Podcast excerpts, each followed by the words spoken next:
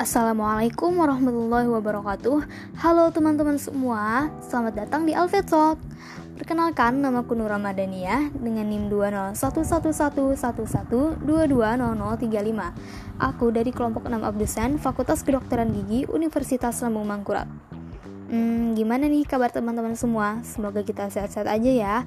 Dalam masa pandemi ini, ingat untuk selalu jaga jarak dan memakai masker saat keluar rumah. Nah baik, pada podcast sebelumnya yaitu podcast pertama aku Aku udah ngebahas tentang hal apa aja yang dapat aku lakukan sebagai mahasiswa FKG pada masa pandemi. Nah kali ini aku bikin podcast lagi nih Tentunya dengan topik yang berbeda yaitu Mengenal DPM dan BEM FKG ULM Kalian udah tahu belum apa itu BEM dan DPM?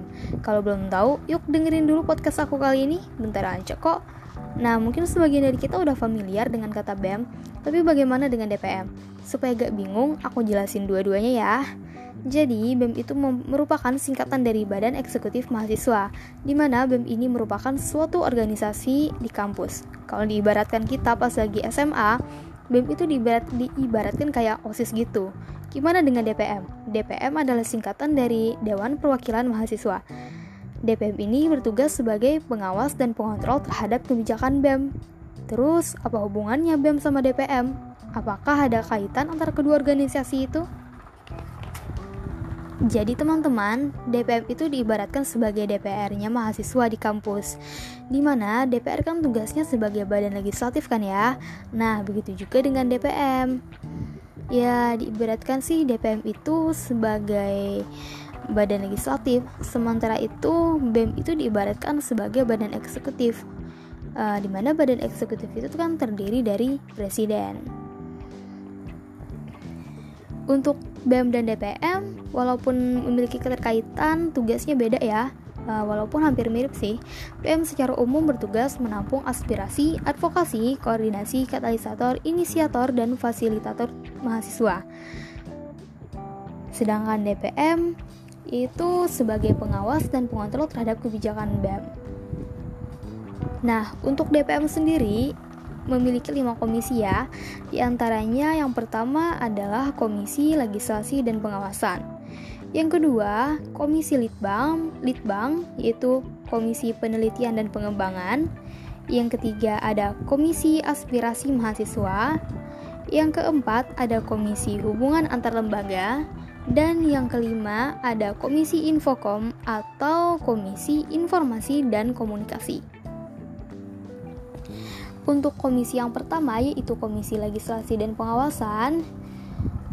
Hmm, jadi Komisi Legislasi dan Pengawasan ini memiliki program kerja di antaranya adalah sidang paripurna dan musyawarah besar.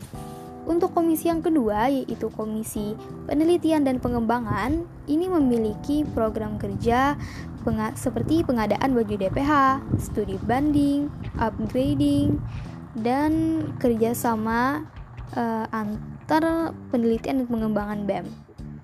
Seperti misalnya kayak menyamakan persepsi, mengkaji pedoman dasar,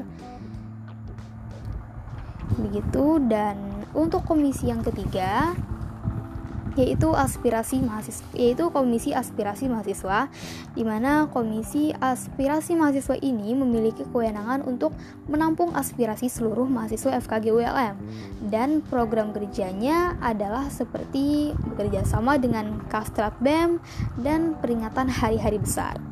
Untuk komisi yang keempat yaitu komisi hubungan antar lembaga Komisi ini memiliki kewenangan sebagai penghubung jika terjadi perbedaan persepsi dari masing-masing BSO pengawas terhadap kinerja. Dan untuk program kerjanya adalah seperti rapat evaluasi Ormawa dan seminar legislatif. Untuk komisi yang kelima yaitu komisi Infokom itu informasi dan komunikasi. Uh, in, komisi Infokom ini memiliki kewenangan sebagai sarana pendat pendap pendataan semua informasi, sarana pemberian informasi tentang pencapaian dan prestasi, dan sarana pengembangan teknologi.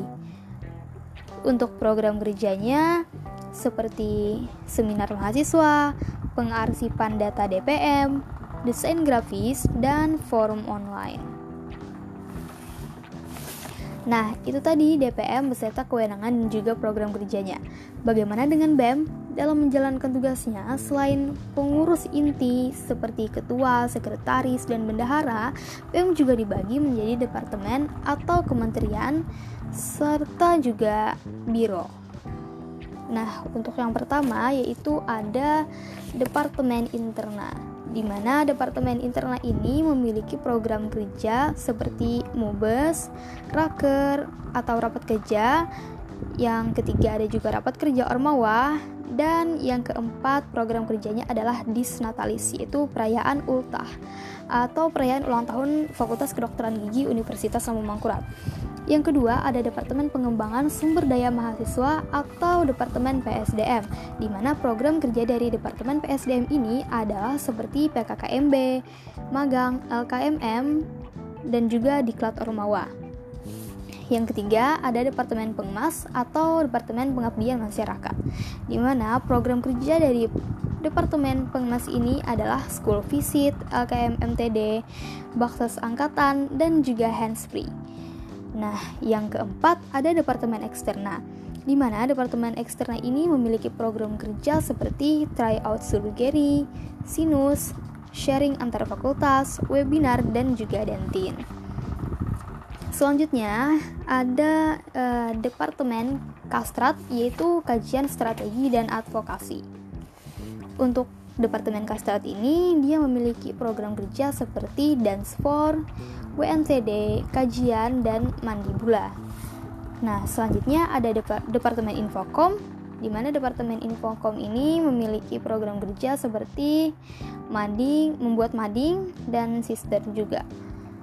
Nah, lalu ada Departemen Litbang atau Departemen Penelitian dan Pengembangan, di mana departemen ini e, memiliki program kerja yaitu Dorsum dan kegiatannya ada SOP, peraturan BEM uh, ya begitu dan yang terakhir ada Biro Danus.